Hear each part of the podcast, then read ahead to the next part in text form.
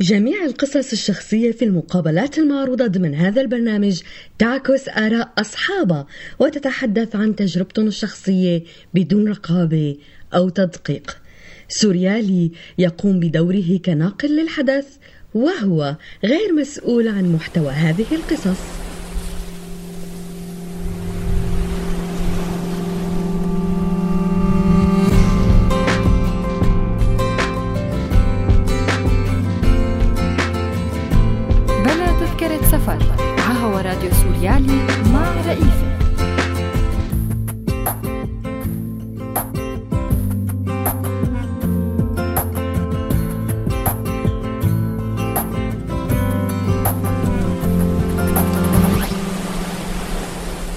بحلقة اليوم من بلا تذكرة سفر.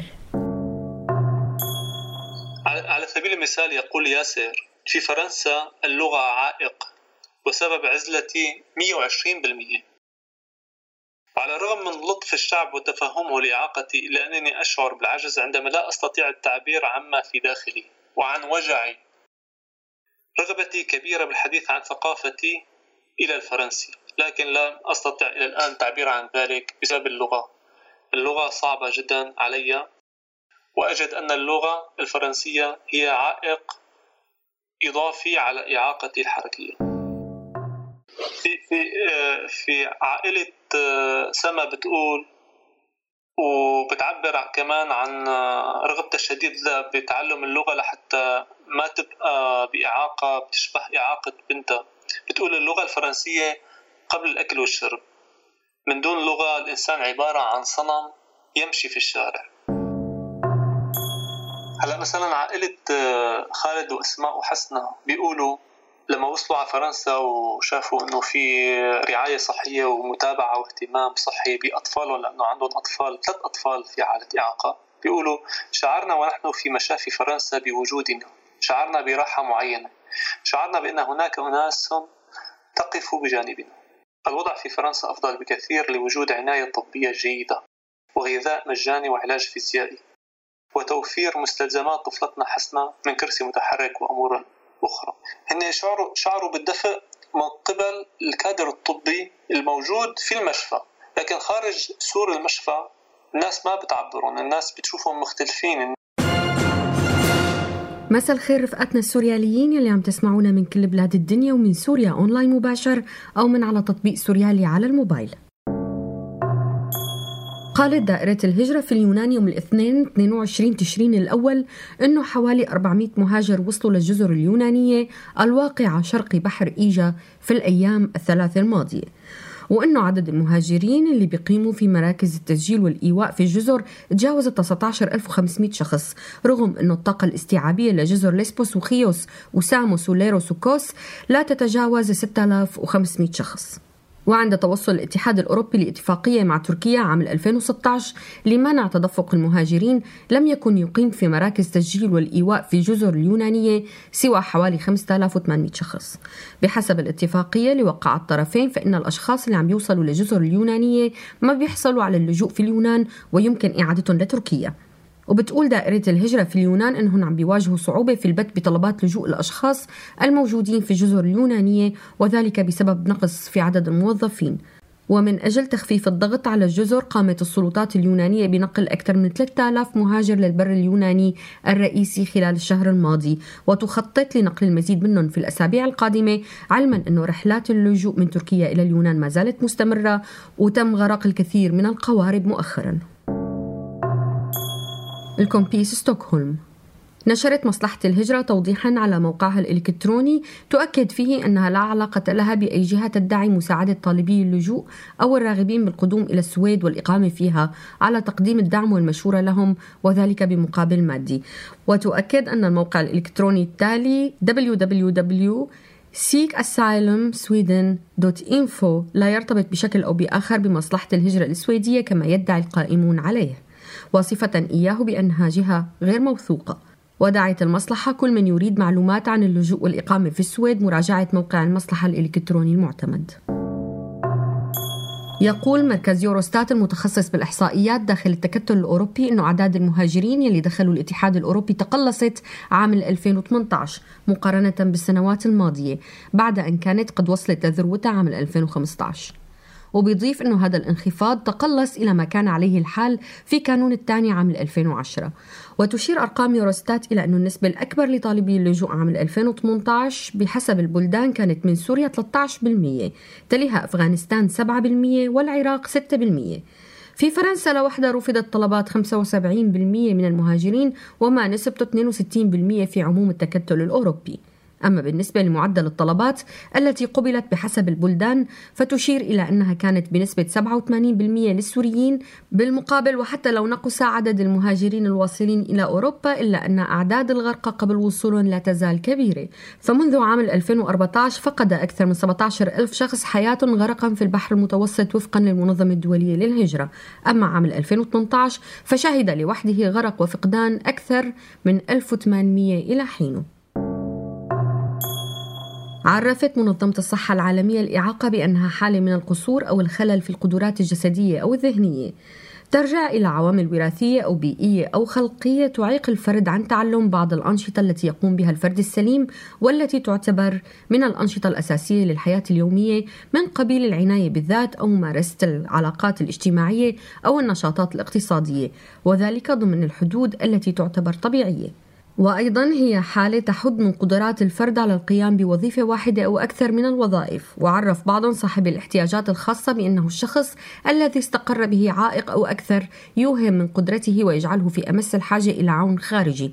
أو هو من فقد قدرته على مزاولة عمله أو القيام بعمل آخر نتيجة لقصور بدني أو جسمي أو عقلي سواء كان هذا القصور بسبب إصابته بحادث أو مرض أو عجز ولادي. وبتنص المادة الثالثة من الدستور الألماني على أنه لا يجوز الانتقاص من حق أي شخص بسبب إعاقته وبتكفل الدولة الألمانية لذوي الإعاقات فرص الحصول على وظائف ما يسمح لهم بالعمل في الدوائر الرسمية والمؤسسات الحكومية سواء كانت الإعاقة سمعية بصرية أو حركية.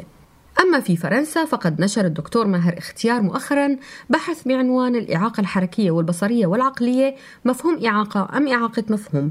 لبحث وضع اللاجئين السوريين ذوي الإعاقة في فرنسا بوردو.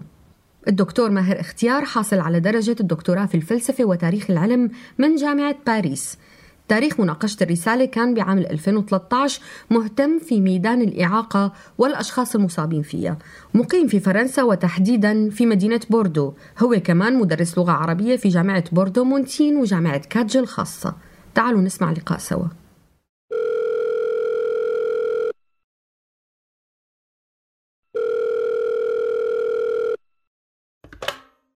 مساء الخير ماهر مساء الخير رئيفة عودة سريعة. الأسبوع الماضي حكينا عن موضوع اليوم موضوعنا كتير مهم اللي هو موضوع البحث تبعك. آه، البحث كان عنوانه الإعاقة الحركية والبصرية والعقلية. مفهوم إعاقة أم إعاقة مفهوم؟ عن شو بيحكي الكتاب؟ عن مين؟ هلا هذا الكتاب آه، اشتغلت عليه على مدار سنتين وصدر في عام 2016 آه، هو بيتناول أكثر من حالة متواجدة بسوريا بالكويت بتونس بالمغرب. وكان في باحثين اشتغلوا معي. آه، حاولنا مع بعض طبعا أنا كنت الكاتب الأساسي. حاولنا آه، ندرس الفرق بين الإعاقة والمرض. المعايير اللي على أساسها يتم تعريف الإعاقة. حاولنا ندخل شوي بالمجتمع السوري والكويتي والتونسي لنفهم كيف آه، الناس تنظر للإعاقة. قديش دور القدر بيلعب دور بالنظر للإعاقة وبانتظار علاج الإعاقة. هذا آه، هي المسألة كتير آه، اشتغلت عليها لأنه لما الإنسان بيتوقع بمعنى أنا اللي لاحظته بعد استماع لشهادات أكثر من عائلة إنه هلأ في وعي. بس كمان في اعتماد واتكال على القدر. هلا في وعي بمعنى إنه الناس لما بتلاحظ إنه في عندهم إعاقة معينة طفل أو طفلة ولدت بحالة إعاقة فأول شغلة وهذا دليل وعي يعني بيسألوا المعرفة الطبية بيروحوا على المشافي بيروحوا عند الأطباء. ولكن لما بتكون في عجز من قبل المعرفة الطبية عن إيجاد حلول لهالإعاقة بمعنى في إعاقات ما لها علاج مبدئي وإنما إلى علاجات مؤقتة بتخفف من نتائج الإعاقة.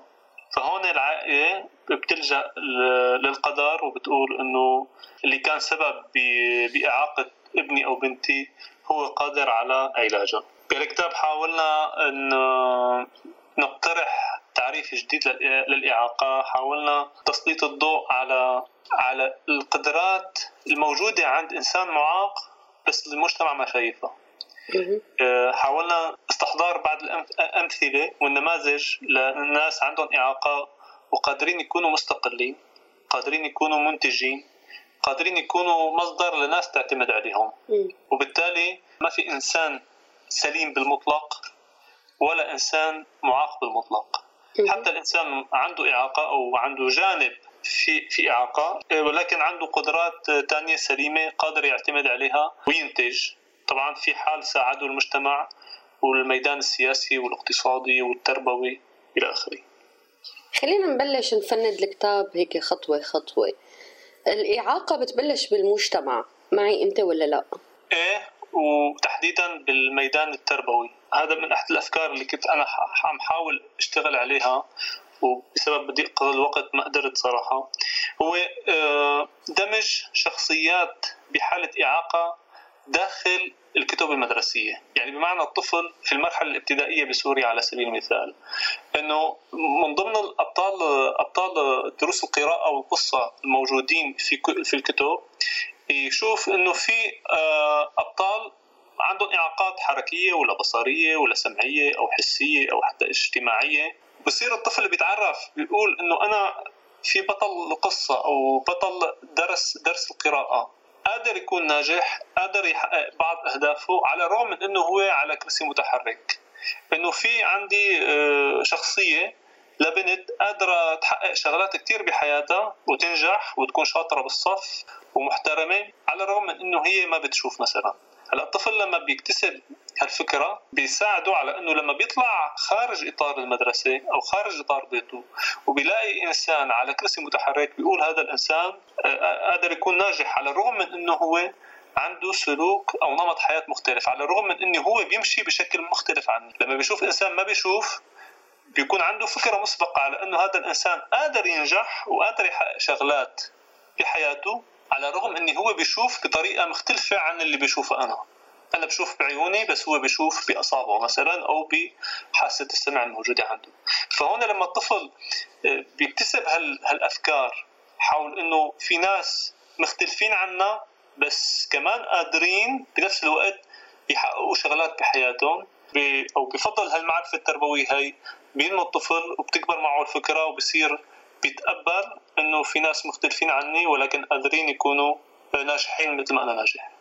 فإذا الموضوع ببلش بدءا من الطفولة بتقبل الآخر آه، بغض النظر عن تكوينه الجسدي أو شو في عنده مشاكل. لما إجينا لأوروبا كلاجئين لاحظنا أنه في نسبة كتير من الأشخاص بيتنقلوا بحرية على كراسي متحركة وممكن حتى ما يكونوا بحاجة حدا يساعدهم بتحريك الكرسي أغلبها ممكن تكون كهربائية. أول شيء بيتبادر لذهن اللاجئ أنه أف كثير في عندهم نسبة إعاقات بهالبلد. بيرجع بمكيال تاني بيقول لا يمكن نحن ببلادنا ما بنشوفهم بالشارع لأنه بلادنا ما مهيئة لتساعدهم. ملاحظتك كثير مهمة رئيفة أه، ملاحظتك مهمة بمعنى أنه بالفعل لما بنشوف ناس بحالة إعاقة في أوروبا خارج بيوتهم هذا يعني وجود بنية تحتية قادرة تستقبلهم. وجود بنية تحتية قادرة تخليهم يمشوا بالشارع بشكل آمن وسليم. على عكس ممكن آه، الوضع بأغلب الدول العربية خلينا نقول إنه الوضع ما قادرين يطلعوا ولا قادرين آه، يستخدموا الشوارع أو الأرصفة لحتى يقدموا يروحوا على الجامعة أو على مدرسة أو على على مركز تجاري أو إلى آخره. لذلك في عندي في أحد الكتاب الفرنسيين بيقول إنه المجتمع أو الدولة بتكون متطورة ومهتمة بناس عندهم إعاقة على قدر ما بيكون عندها مؤسسات قادرة تستقبل الناس أو كل الناس. يعني على قدر ما بتكون عندك المدرسة والجامعة والمشفى والمراكز التجارية عندها أبواب بوابات قادرة تستقبل كل الناس الناس اللي بتمشي شيء للناس اللي ما بتشوف أو الناس اللي على على كراسي متحركة. على قدر ما بتكون هالمؤسسات هيدي آه، متقدمة وبتقبل إنه تستقبل كل المواطنين وإن هي حط منح حقوق المواطنين بشكل عادي. بينما تخيلي انت مدرسة أو جامعة ما مهيئة لاستقبال ناس على كراسي متحركة. فكيف ممكن هذا المواطن اللي له له حق يروح يتابع دراسته انه يفوت على الجامعة على مدخل ما قادر يستقبل كرسي إنسان على كرسي متحرك؟ أو مثلا آه، بده يروح يحضر محاضرة بالطابق الثالث والرابع والأسانسير ما في مصعد مثلا. من هون بيجي من هون بيجي آه، دلالة اهتمام الدولة بناس عندهم اعاقه البنى التحتية الطرق والارصفه الأسانسيرات وسائل النقل مداخل المؤسسات القادرة على استقبال كل الناس بما فيهم ناس عندهم اعاقه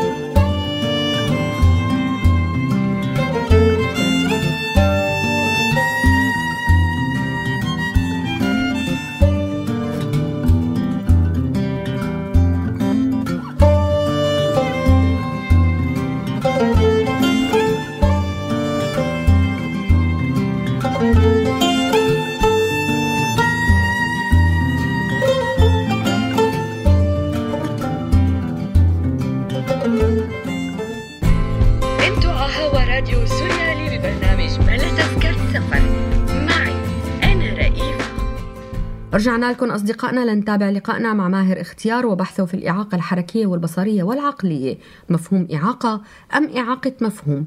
بين اللاجئين السوريين في فرنسا بوردو. الحرب اللي تمشنا على السوريين وخلفت كثير من الإصابات الجسدية وسببت كثير من الإعاقات بكافة الأعمار يعني أطفال وشباب وكبار بالسن موجودين اليوم بسوريا موجودين بالخيام ولجأوا لأوروبا عالج الكتاب هالموضوع هذا؟ لا رئيس الكتاب اللي صدر ب 2016 ما عالج آه، هذا الأمر وإنما أنا هلا قيد خلصت من بحث وهو قيد النشر هلا في مجلة محكمة. آه، بيحكي عن الأشخاص في حالة إعاقة ما بين الحرب وبلاد اللجوء. بهالبحث هذا اللي هو عبارة عن 22 صفحة آه، فقط حاولت آه، سلط الضوء على بعض العائلات والأشخاص اللي وصلوا على مدينة بوردو في فرنسا. وهن مصابين بإعاقة معينة. كيف كيف الظروف التي تعرضوا إلها في سوريا وليش قرروا يطلعوا من سوريا؟ كيف كانت ظروف ظروف انتقالهم من سوريا لتركيا ومن تركيا لليونان ومن اليونان لهون؟ وشو وضعهم هلأ بالغربه فينا ناخذ فكرة عنه. إيه بكل سهولة. هلأ ممكن أعطي فكرة سريعة. أه، حاولت بالبحث إنه جاوب على أكثر من سؤال. أمور رئيسه ممكن ما تخطر ببالنا. هو إنه الإعاقة لما الإنسان يصاب بإعاقة خلال الحرب اللي صارت بسوريا هل إعاقته بتدل على انتماء سياسي معين أو لا؟ آه، الحرب بتغير مفاهيمنا بتغير أفكارنا بتصير هلأ قبل الحرب ممكن لما بنشوف إنسان آه، آه، على كرسي متحرك بنفكر نتيجة حادث سير ولكن لما نشوف إنسان على عكازة أو على كرسي متحرك خلال الحرب فورا يبدو هيك العقلية بتفكر إنه هذا كان مشارك بالحرب. أو ضحية يعني ممكن تعرض لتفجير لشيء هو ما له يد فيه يعني. ممكن. بس أنا طبعا قابلت أكثر من شخص هون. من ضمن الأشخاص اللي قابلتهم هو شخصية ياسر. طبعا ياسر اسم مو هو الحقيقي المفضل ياسر كان بحلب. عبر هو وزوجته وأولاده عبر معبر إنساني. ويصاب بساقه برصاصة. لما انصاب وكان لسه بمناطق المعارضة أول مكالمة حكاها مع والده قال له أه، بتضل محل ما أنت. قال له ليش بابا يعني إيدي رجلي انصابت؟ قال له بأول بأول حاجز بدك تمرق مرحي سواء كان حواجز النظام أو حواجز المعارضة المسلحه ممكن إنه راح يطرح السؤال أنت مع مين كنت؟ ويا ترى راح يصدقوا إني أنت كنت منك مشارك بالحرب ضد طرف معين وإنما كنت مدني وبالتالي اضطر يبقى بمناطق المعارضة لفترة معينة وبعدين تم تهريبه لتركيا للمعالجة. ومن تركيا صار بفرنسا ولم يتم إنقاذ ساقه وإنما بتيرت بأسباب كثير هو خوفه من أنه من من مرور من حاجز أنه هذا الحاجز أكيد راح يطرح عليه سؤال أنه وين انصبت؟ وليش انصبت؟ ومع أي طرف كنت أنت عم تحارب. فكان لابد من التخفي والهروب من سوريا. هلا آه، في عندي كمان آه، صديق يعني سماه أحمد كان هو بمناطق المعارضة آه، بحمص مناطق الحديديه وكان شغلته على سبيل المثال تكسير حيطان بالبيوت لحتى يقدروا المدنيين يعبروا عبر الفتحات وما يضطروا يمشوا بالشوارع لأنه كان في قناصين من قبل النظام السوري. هو عم يشتغل هالشغل هذا اجت قذيفتين آه، قذيفة أو قذيفتين مع الاسكور فاللي معه الشاب اللي معه توفى وهو راح كفه فورا واصابته أكثر من شظية بقدميه وببطنه. وطبعا بطنه لحد الآن مو طبيعي. ولكن نتمنى له الشفاء العاجل يعني تقريبا أموره خير. قال لي لما كنت كان بمناطق مناطق المعارضه الناس لما تشوفه وتشوف إصابته تقول له أنت قمت بعمل جبار.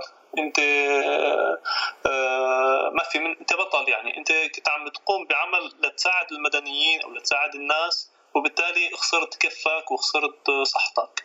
بعد فترة ووفق اتفاقية تبادل آه، أسرى ومصابين طلع على على مركز مدينة حمص المسيطر عليها من قبل النظام السوري. حتى قال لي هو هناك طبعا ما ما عرف عن نفسه. حتى هو بمركز حمص مدينة حمص كان يتم مساعدته في صعود الباص لأنه معه عكازة هو آه، يفكروا العقلية الموجودة هناك أنه هذا أكيد كان جندي آه، مع النظام السوري. ف كان يساعد يساعد ويعتبر كبطل. يعني الإعاقة هنا كانت دليل آه، بطولة معينة. ولكن في حال عرف انه هو جاي من الحميديه من مناطق المعارضه راح الإعاقة تقدم رمز أو فكر على إنه هو خاين خاين خائن. ويجب معاقبته حتى. فهون بتشوفي إنه آه، الاعاقه خلال قديش كان الإنسان مصاب بإعاقة إلى أي حد صار يتعرض لضغوط وأفكار مسبقة إنه هذا يا إما بطل يا إما خائن. في عائلة كانت ساكنة بريف حلب عندها طفلين عندهم فقر دم فقر الدم المنجلي اسمه. فكانوا كل شهر لازم يروحوا من الريف على حلب ينقلوا لهم دم يغيروا لهم دم. فالمعاناة اللي كانوا يعانوها إنه يقولوا لهم بمركز نقل الدم ما تجوا لحالكم جيبوا معكم أشخاص للتبرع نحن معنا دم. فشوفي الضغط اللي كانت تعيشه العائلة؟ هن عندهم ولدين بدهم آه، بدهم تغيير الدم كل 25 يوم. قال لي كنا كنا نقعد وندور على ناس استقبال إنه تنزل معنا. طبعا الناس عندنا كرماء بيتبرعوا بالدم بس مو هون الخوف. الخوف آه، من السفر.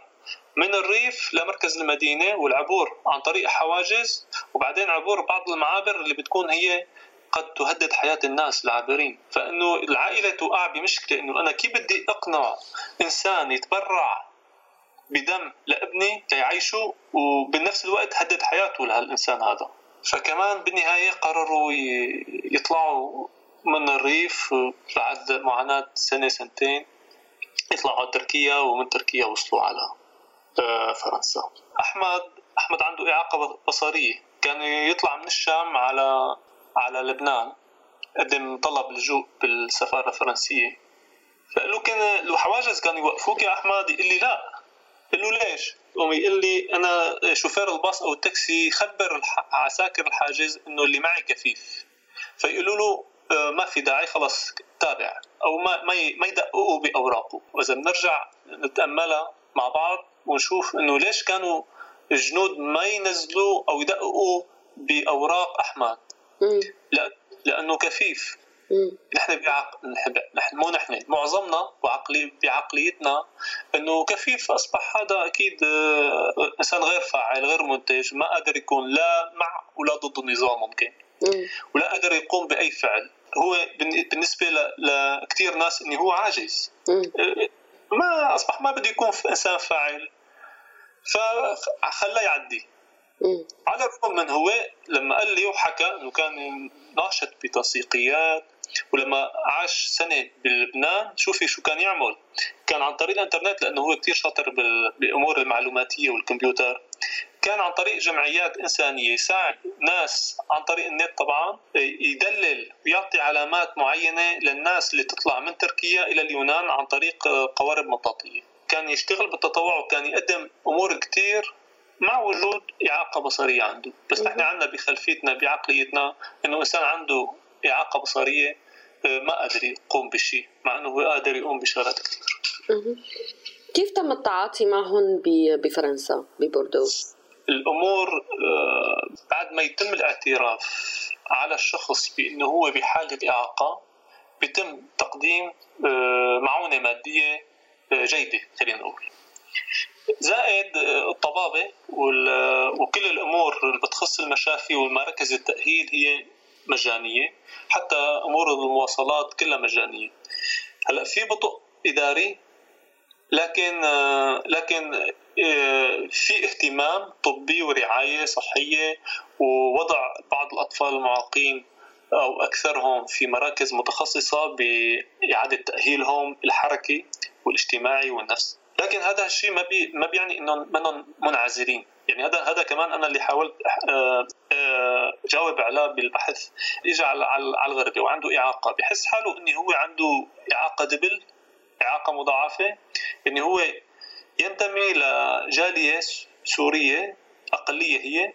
لكن هو عنده إعاقة أصبح هو عنده إعاقة زائد إعاقة يعني معنى إنه هو هو ضمن أقلية وضمن هالأقلية هو أقلية الإعاقة عم سببت عزلة إلى حد ما آه، منا موجودة عند كثير ناس ما ما ما عندهم اعاقات.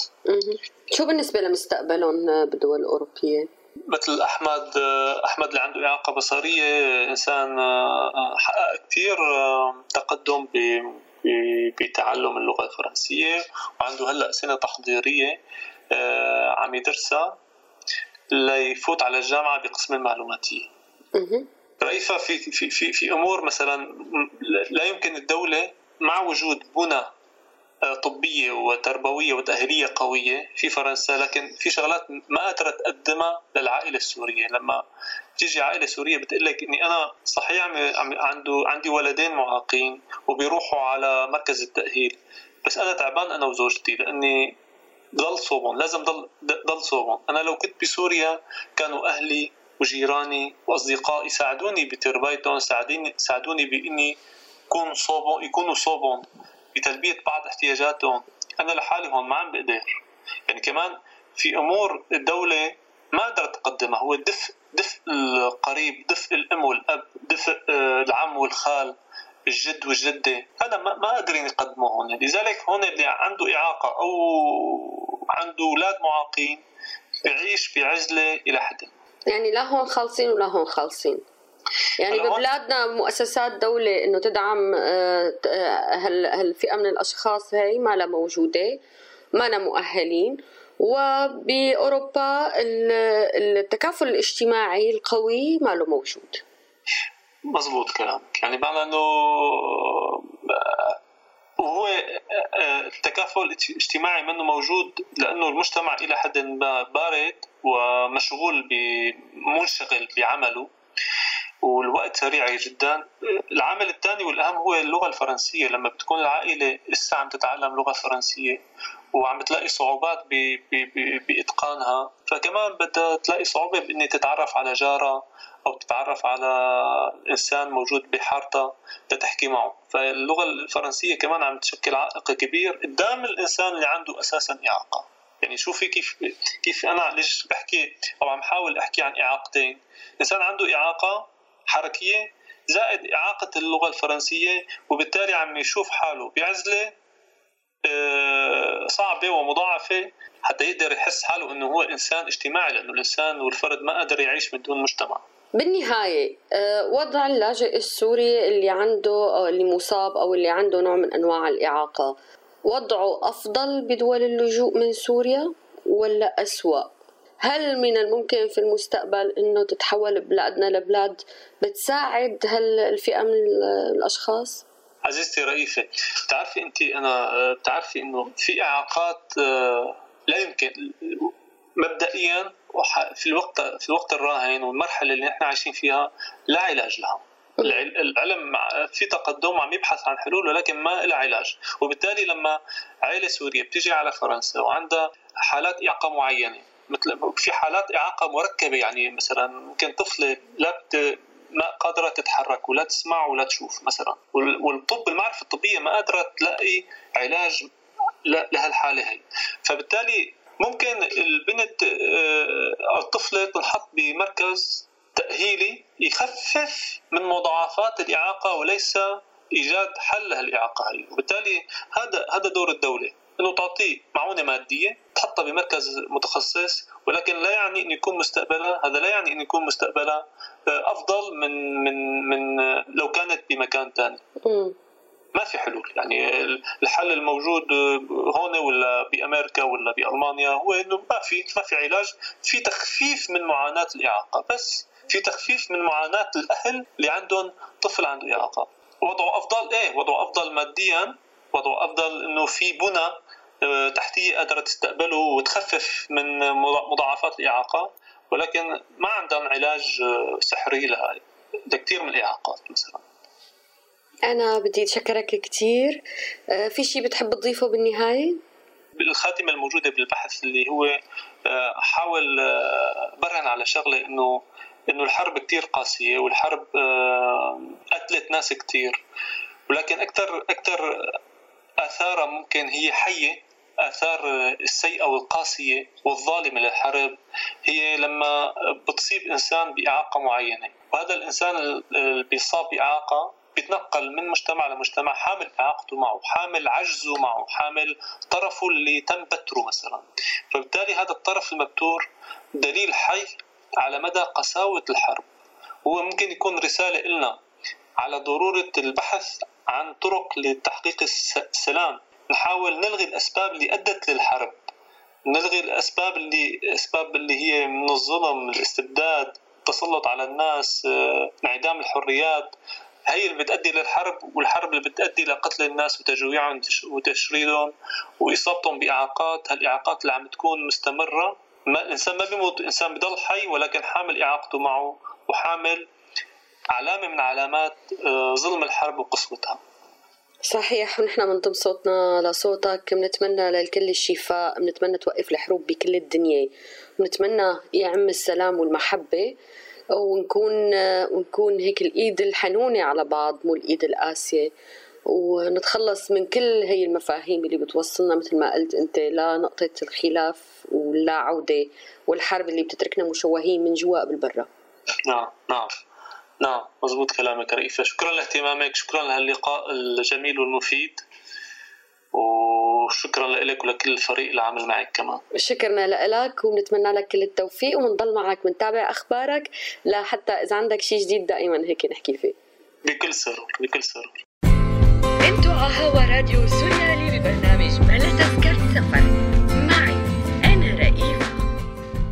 بنهاية الحلقة بدي أشكر متابعتكم واستماعكم ودايما بشكر زميلي عبد الكريم الحلبي على الإخراج. خليكم دائما معنا على السمع وبدي أذكركم تفوتوا على موقعنا سوريالي دوت نت وتزوروا صفحاتنا على مواقع التواصل الاجتماعي فيسبوك وتويتر لتتابعوا أرشيفنا وتسمعوا بثنا المباشر وتعرفوا عنا كل جديد. كنت معكم من وراء المايك رئيف المصري. ضلوا بأمل وبألف خير.